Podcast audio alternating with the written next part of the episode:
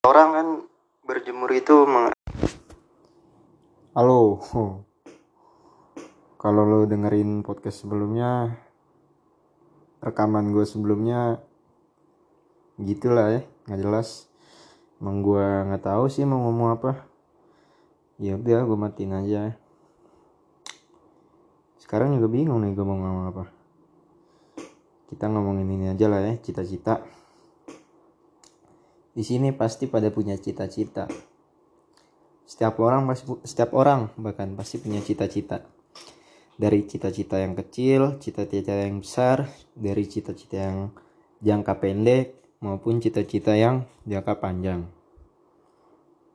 Cita-cita kita pasti pasti ada yang namanya perubahan cita-cita. Seiring berjalannya waktu seiring bertambahnya kedewasaan seiring bertambahnya ilmu pengetahuan seiring bertambahnya wawasan pasti apa yang kita inginin pasti selalu berubah-ubah. Kayak gue gitu kan. Gue dulu gue ingat banget cita-cita pertama gue itu jadi polisi. Itu cita-cita pertama gue waktu gue kelas 1 SD nggak tahu ya mungkin dulu gue ngelihatnya jadi polisi itu enak di saat yang lain pada macet-macetan kita berdiri berdiri di jalanan bisa ngatur jalanan tuh kayak enak gitu kan. Ngatur-ngatur mobil terus bisa ngeliatin banyak mobil. Karena dulu tuh gue suka banget yang namanya namanya mobil gitu. Gue gue tuh dulu nggak tahu ya gue ngeliat mobil aja tuh dulu udah seneng gitu. Kayak gue ngeliat polisi tuh kayak enak banget ya tiap hari bisa ngeliatin mobil. Nggak tahu ya absurd banget lah dulu apa motivasi gue buat jadi polisi. Terus cita-cita kedua gue itu gue sempat pengen jadi koki. Ini juga cita-cita gue waktu masih SD tepatnya satu tahun setelah cita-cita gue tadi yang pertama yaitu kelas 2 SD naik kelas 2 tiba-tiba gue langsung ganti cita-cita. Cita-cita gue jadi koki kenapa gue pengen jadi koki? Karena saat itu kelas 2 SD gue udah gue udah bisa masak. Gue waktu itu masak telur apa mas pokoknya masak masaknya masih ringan-ringan lah. Masak telur masak mie gitu kan masak air. Gue nyalain kompor tuh udah seneng banget. Udah kayak ngerasa jago masak lah dulu. Soalnya ya gue ngerasa masih kecil udah bisa masak tuh kayak suatu kebanggaan gitu. loh kelas 2 SD gue udah bisa masak ya walaupun mungkin ya mungkin kalian kalian ada yang lebih apa lebih jago kali ya kelas 2 SD udah bisa bikin opor ayam gitu atau udah bisa masak sejak dari PAUD. Atau lu di dalam kandungan udah bisa masak juga. Ya mungkin aja mungkin kan. Cuma waktu itu gue ngerasa kelas 2 SD udah bisa masak tuh keren keren banget gitu. Dan gue zaman zamannya waktu itu lagi master chef. Master chef yang di RCTI itu. Ya yang ya chef Yuna lah chef Yuna. Itu dulu masih zaman chef Marinka gitu gitulah gue tuh dulu nontonin banget tuh kayak gituan. Sampai sampai gue pengen kan yang namanya masak masak gitu. Dan akhirnya gue bisa walaupun cuma masak telur doang kan. Gue pengen tuh jadi koki. Cuma makin ke sini makin ke sini berubah lagi cita-cita gue gue pengen jadi apa ya? Hmm, arsitek.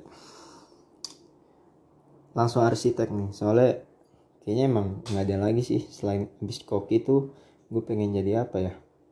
Nggak ada sih ya. Sekarang sih cita cita-cita gue pengen jadi arsitek. Cita-cita arsitek tuh gue gue inginkan gue ingin dapatkan tuh sejak gue dari SMA kelas 1 eh sorry SMP kelas 3 itu adalah per, pertama kali gue pengen jadi arsitek yaitu kelas 3 SMP di situ gue udah mulai mencari mencari-cari sebenarnya apa sih cita-cita gue ini?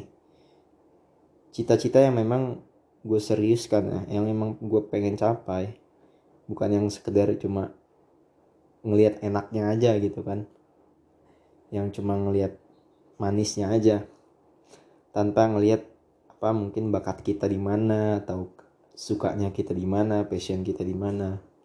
Nah arsitek ini kebetulan adalah cita-cita yang memang sudah gue bulatkan sejak kelas 3 SMP yang gue lihat dari passion gue terus motivasi gue apa jadi arsitek terus suka dukanya gue udah tahu prospeknya gimana. Makanya dari situ gue tuh pengen yang namanya kuliah S1 arsitek ya kan? Biar memudahkan langkah gue ya, untuk menjadi arsitek. Panutan gue itu salah satunya adalah Bapak Ridwan Kamil yaitu gubernur Jawa Barat kita ya kan? Hmm, gue pertama kali tahu Pak Ridwan Kamil ini dari bapak gue bapak gue tiba-tiba nge-share sesuatu gitu kan yang berhubungan dengan beliau dan gue lihat profilnya gue baca-baca kayaknya nih orang keren banget gitu kan. Masih muda udah jadi waktu itu dia masih jadi bupa, bupati pak wali kota ya? Bandung pokoknya yang megang Bandung gitu. Apa ya? Wali kota Bandung apa Pak Ridwan Kamil itu dulu masih wali kota Bandung dan dia bukan cuma jadi wali kota aja bukan bukan cuma di politik dan bisa memimpin apa namanya warga Bandung aja. Dia ternyata juga seorang arsitek yang mana tiba-tiba gue pengen banget jadi kayak Bapak Ridwan Kamil gitu kan betapa asiknya uh, kita memimpin war apa menjadi suatu pimpinan wali kota gitu menjadi bapak wali kota sambil ada kerjaan sampingan gitu kan. Jadi apalagi kerjaan sampingannya itu emang yang menurut gue mengasyikkan. Mungkin kan tiap orang kan passionnya beda-beda ya tiap orang kesukaannya beda-beda. Nah arsitek ini menurut gue adalah memang bidang yang sangat gue cintai gitu. Bidangnya sih bukan bidangnya sih lebih spesifiknya lagi malah pekerjaan gitu kan. Bidangnya sih mungkin seni atau yang suka hitung-hitungan bidang yang suka apa mendesain suatu bangunan gitu kan. Pekerjaannya adalah arsitek. Nah gue suka itu jadi gue tuh suka yang namanya pekerjaan yang nggak serius-serius banget lah. Serius serius cuma maksudnya sesuai dengan ke, ke sesuai dengan passion kita pekerjaan yang sesuai dengan kesukaan kita pekerjaan yang sesuai dengan apa kemampuan kita dan gajinya juga sesuai keinginan kita. Itu sih yang itu sih yang paling perfect sih menurut gua. Makanya kenapa gue pengen banget jadi arsitek ya tiap orang beda-beda lah ya keinginannya. Balik lagi tadi Bapak Ridwan Kamil. Ya intinya gue sangat ngefans pada beliau. Gue kayaknya sih pengen lah suatu saat gitu kan. Kalaupun emang gue ditakdirkan menjadi seorang arsitek yang profesional gue pengen lah mencontoh beliau gitu kan. Gue pengen ketemu beliau gitu ya pengen ketemu aja lah sharing-sharing bareng idola kan. Siapa sih yang nggak pengen ketemu sama idolanya gitu? Kayak Ridwan Kamil dia salah satu idola gue cuma makin ke sini makin ke sini lagi gue bukan gue ada satu cita-cita lagi. Tapi cita-cita ini tidak mengalahkan cita-cita gue sebagai arsitek. Artinya di sisi lain gue pengen punya juga nih pekerjaan sampingan. Kan kalau kayak tadi nih Pak Ridwan Kamil. Dia pekerjaan sampingannya arsitek. Pekerjaan utamanya yaitu sebagai wali kota atau gubernur. Tapi atau mungkin bukan ini ya bukan pekerjaan kali tanggung jawab. Tanggung jawab dia yang utama adalah sebagai gubernur. Terus sampingannya adalah sebagai arsitek. Artinya kan fleksibel kan arsitek ini menurut kalau ada orang sampai bisa kayak gitu kan artinya menurut gue arsitek pekerjaan arsitek ini fleksibel ya kan? Nggak nggak nggak yang harus pagi berangkat terus pulangnya malam nggak gitu kan? Artinya di sela-sela waktu senggang itu masih banyak waktu-waktu yang bisa diisi untuk mencari kegiatan-kegiatan yang produktif ataupun bisa sambil mengerjakan hal lain yang bisa menghasilkan juga dan gue sudah memikirkan hal itu. Ya walaupun gue belum pasti juga ya jadi arsitek cuma kan apa salahnya kita menghayal menghayal sih? Ini gue gue gue ngerasa masih hayalan sih cuma gue sih pengen lah ya jadi kenyataan. Dan gue juga sedang berusaha untuk mewujudkan hayalan ini. Insya Allah aja doain ya semuanya. Semoga kita semua bisa menjadi apa yang kita inginkan semoga kita semua bisa sukses dunia akhirat. Amin. Balik lagi tadi. Ketika gue sudah memikirkan apa yang ingin gue lakukan di sela-sela arsitektur gue ini tiba-tiba gue menemukan satu pekerjaan lagi yang gue senangi. Satu pekerjaan lagi yang gue senangi dan sesuai passion gue insya Allah ya. Tiba-tiba gue menemukan sesosok dia seorang yang awalnya gue lihat sebagai sinetron. Sinet sinetron komedi atau sitkom. Sesosok orang idola baru gue yang gue lihat pada tahun 2016 dia bermain di sebuah sitkom yang bernama cantik cakep cakep baper ingat banget gue namanya. Yang setiap sore selalu gue tonton. Siapa lagi kalau bukan Gofar Hilman dia adalah pertama kali gue ngeliat dia first impression gue gue nggak tahu nih dia siapa pertamanya. Gue bener-bener nggak tahu. Gue nggak tahu latar belakang dia siapa. Intinya gue pertama kali lihat dia tuh di sinetron. Gue lihat dia pertama kali yang gue lihat gue ngeliat tato di tangannya tuh. Tato gue inget banget ada tato peluru di pergelangan tangannya. Gue ngeliat anjing kece banget ya. Gue langsung wah anjing kalau gue punya kayak tato kayak gini keren kali ya. Kece kali. Cuma gue nggak tahu tuh orang orang itu namanya siapa instagramnya apa dia itu siapa nggak tahu gue pokoknya lewat aja lah gitu. Gue ngeliat orang itu kece udah. Gue tinggalin habis itu. Besok besok besokannya gue mulai kepo. Orang yang gue lihat kemarin itu siapa sih? Orang yang gue lihat kemarin itu instagramnya apa sih profilnya kayak gimana sih? Dari situ gue mulai kepo. Gue buka di Google gue cari lah. Pemeran cantik cantik pemeran cakep cakep baper. Biasalah standar kepo anak muda ya kan?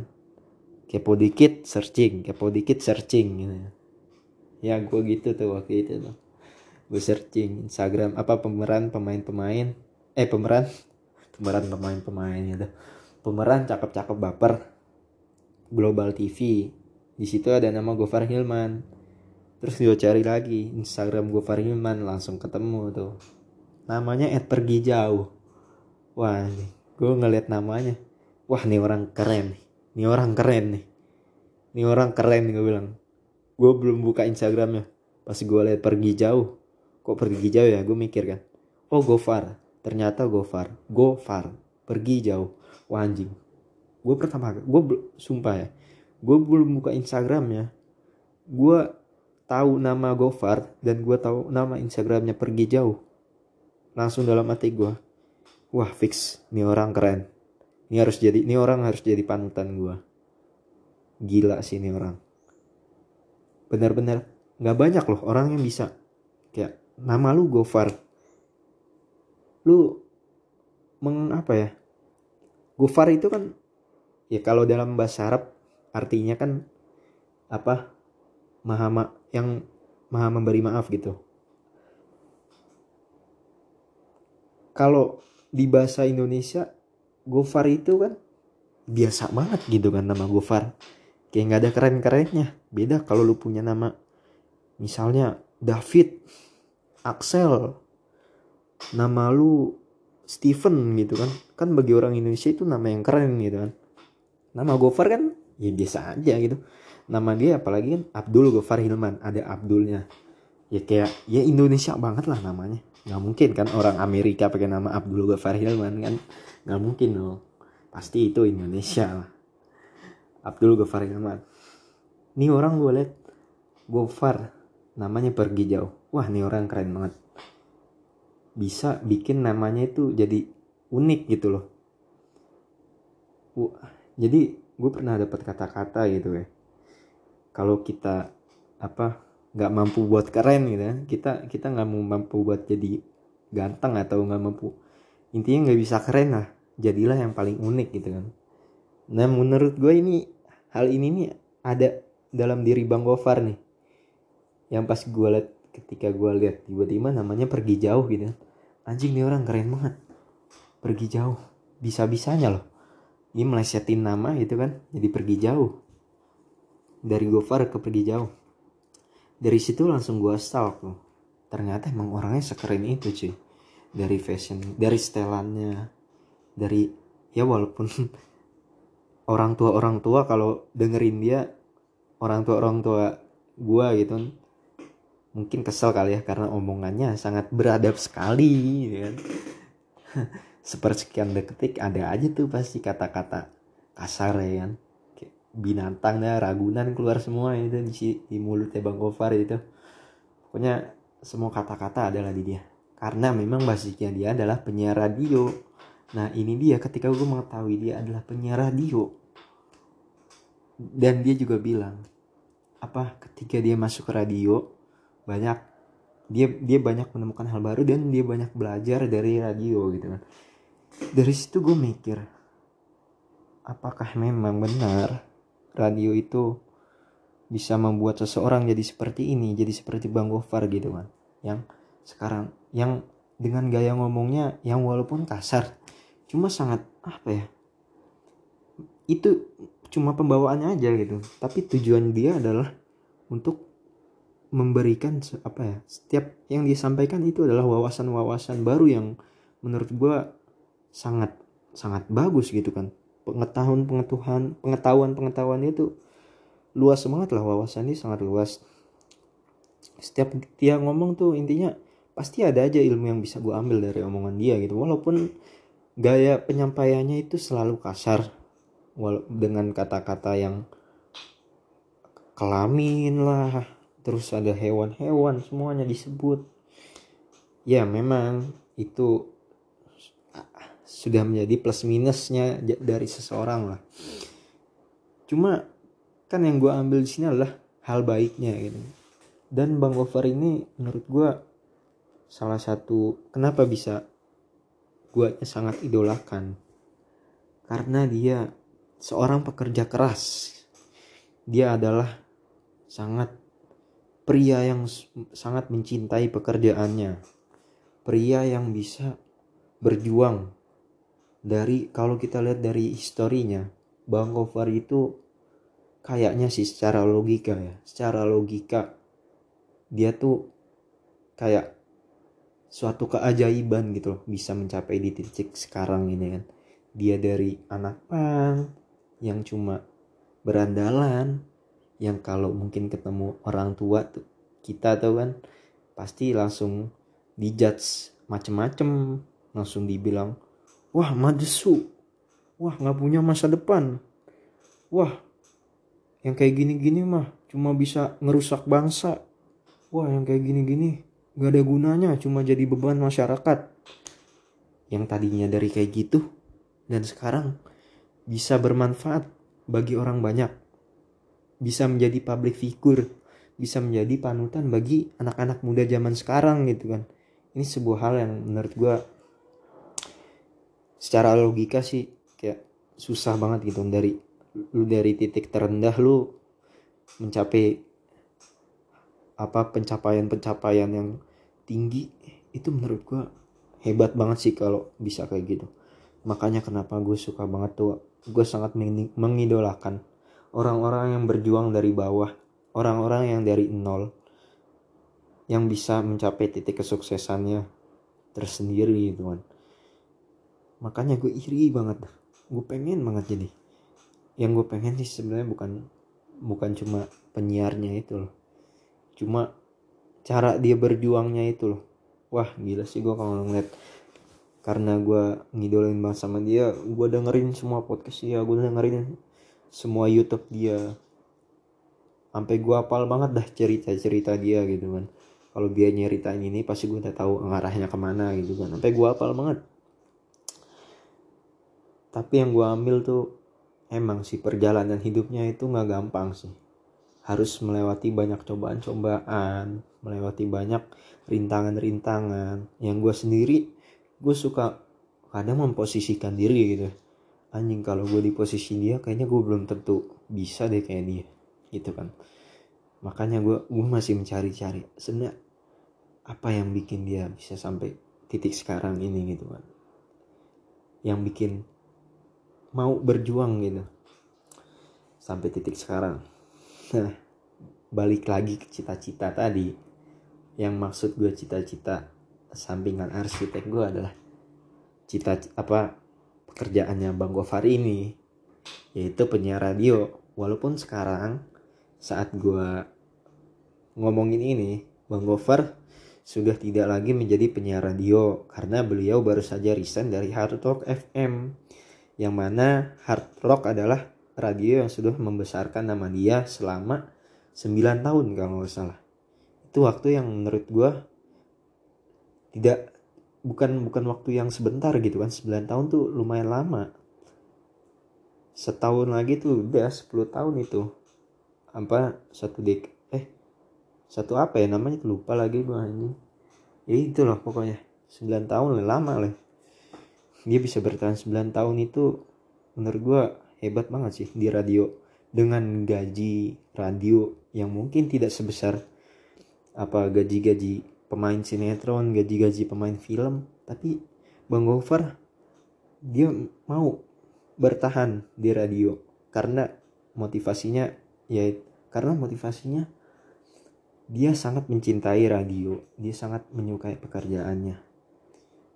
Yang mana pekerjaan radio itu adalah pekerjaan yang apa mengandalkan suara mengandalkan skill skill ngomong kita diasah di situ. Dan bang Gofar suka itu. Maka dari itu gue gue ngerasa sebenarnya gue ada rasa juga kalau gue itu punya kesukaan terhadap apa namanya ngobrol. Gue itu suka ngobrol. Cuma memang masih banyak banget kekurangan gue yang harus diasah lagi ya untuk bisa masuk ke dunia radio. Maka dari itu ya gue bikin kayak gini niatnya adalah untuk melatih diri gue agar semakin mahir berbicara agar semakin mahir untuk ngobrol. Walaupun ini saya monolog ini saya kayak kayak ngomong sendiri iya ini ngomong sendiri aja sih. Nggak tau lah. Makanya kalau pembicaraannya nggak jelas kalau omongannya ke mana-mana ya nggak tahu ya wajarin aja kali ya. Karena saya juga masih belajar. Intinya gue sih pengen apa dari perjalanan gue ini bisa membuahkan hasil yang gue inginkan. Dan juga gue bikin kayak gini-gini tuh tujuannya adalah biar ketika misalnya gue sukses ya Allah. Amin amin amin ya Allah. Gue sukses. Gue bisa melihat perjalanan gue ke belakang. Gue bisa sesekali lah. Sesekali. Memang kaca depan lebih besar daripada kaca spion gitu kan. Cuma apa salahnya kita ngelihat kaca spion sedikit untuk berhati-hati gitu? Ini maksud gue adalah ketika gue sudah nanti besar gue bisa melihat sedikit-sedikit perjalanan gue ke belakang agar gue bisa hati-hati agar gue tetap merendah agar gue tetap membumi agar gue tetap menjadi pribadi yang tahu asalnya gue itu dari mana agar agar gue juga bisa mengenang semua orang-orang yang berjasa dalam kehidupan gue aduh. Sok bijak banget ya gue aduh. 18 tahun loh gue kok gue udah sosok gini ya? Ya cuma gue belajar aja sih ya. Jadi kalau omongan gue salah ya udahlah nggak usah didengar juga nggak apa-apa. Cuma koreksi aja sih. Eh nggak tapi nggak bisa komen ya di sini ya. Ya udah nikmatin aja. Cuma gue pengen gue banyak memang banyak sih orang-orang yang sukses dengan cara yang instan itu banyak banget cuma memang kesuksesan yang instan itu tidak baik sepertinya. Karena suksesnya instan tapi kesukses ketika dia mendapatkan kesuksesan yang instan terkadang suksesnya juga instan cuma sebentar gitu kan. Nggak konsisten. Ketika naik naiknya cepet jatuhnya juga bisa cepet gitu. Makanya gue sih lebih suka ya itu tadi gue bilang berjuang dari bawah pelan-pelan. Hal ini yang gue dapatkan juga dari Bang Gofar tadi. Makanya Bang Gofar ini menurut gue pelajaran banyak banyak banget lah. Gue tuh gue tiba-tiba tuh mendapatkan pencerahan gitu. Kalau kita tuh memang kita harus mentuhankan proses gitu. Dalam artian kita harus mendewakan proses lah maksudnya. Apa namanya yang namanya keberhasilan itu pasti didapat dengan proses yang panjang dengan proses yang gak mudah dengan proses yang gak mungkin gak enak atau mungkin prosesnya sangat pahit sangat pedih. Tapi kalau hal itu dijalani dengan apa adanya dengan kitanya menikmati proses tersebut mungkin hal baik juga akan terjadi ya dengan kita gitu kan ke depannya itu yang gue dapetin dari Bang Gofar makanya wah gila Bang Gofar panutan gue banget.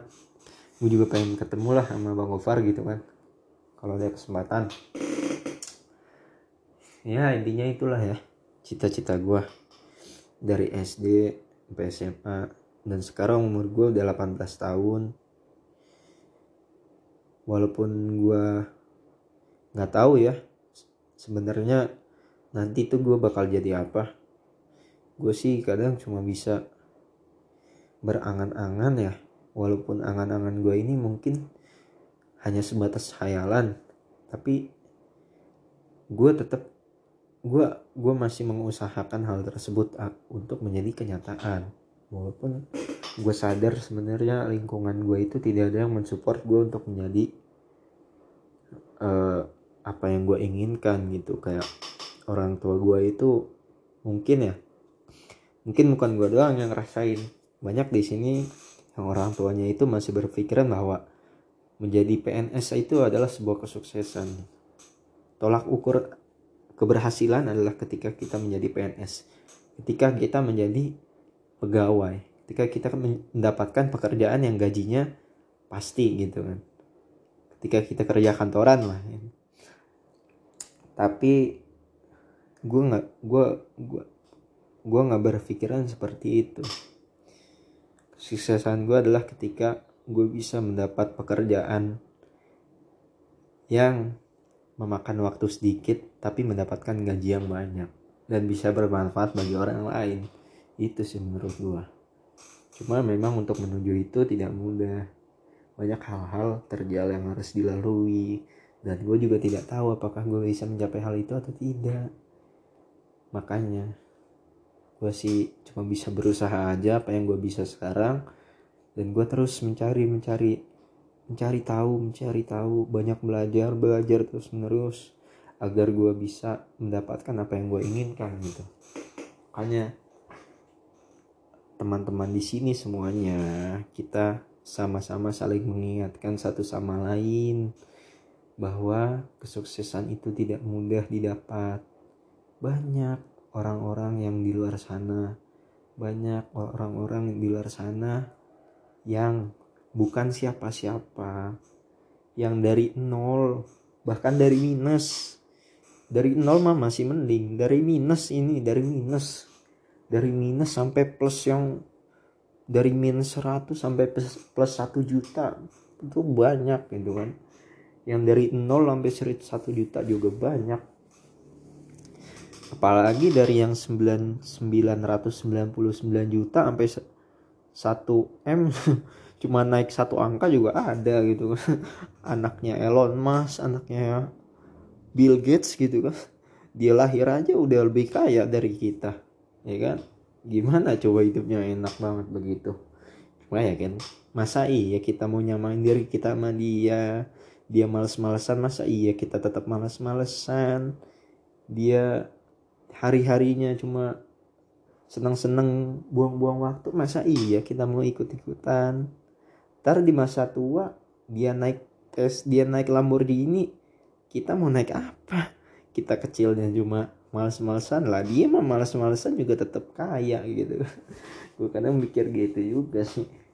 Ya walaupun yang gue omongin ini hanya sekedar teori seenggaknya kalau kita sering mendengar mendengar seperti ini kan kadang hati kita tergerak juga untuk melakukannya ya. Dibanding kita cuma kuping gue menutup kuping kita menutup segala omongan-omongan yang datang ujung-ujungnya kita nggak melakukan juga. Kan ada tuh orang yang bilang ah lu jangan kebanyakan ngomong lu udah lakuin aja gitu kan. Ya kadang kalau kita nggak ngomong juga kita mau ngelakuin kadang gimana ya ya emang sih ada benernya juga gitu kan. Nggak usah kebanyakan ngomong ngelakuin aja. Ya itu kalau orang yang ngomongnya kebanyakan. Kalau orang ngomong secukupnya ya itu masih boleh dong ya kan? Kita kan namanya saling mengingatkan. Dan gue juga ngerasa ngomong nggak kebanyakan juga sih. Jadi ya secukupnya aja. Kita ngomong mungkin saling memotivasi diri kita dan orang lain. Dan sekitar kita terutama. Apalagi kita mempunyai teman banyak kita mempunyai keluarga.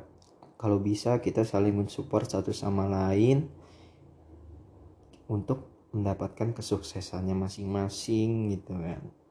Aduh kok jadi sok ceramah gini gue aduh ya gitulah ya. Gue sih berharap semoga kita mendapatkan apa yang kita inginkan. Semoga kita semua hidupnya diberkahi Allah subhanahu wa ta'ala. Dan mungkin hanya itu yang bisa sampai saya sampaikan. Kurang lebihnya mohon maaf. Wassalamualaikum warahmatullahi wabarakatuh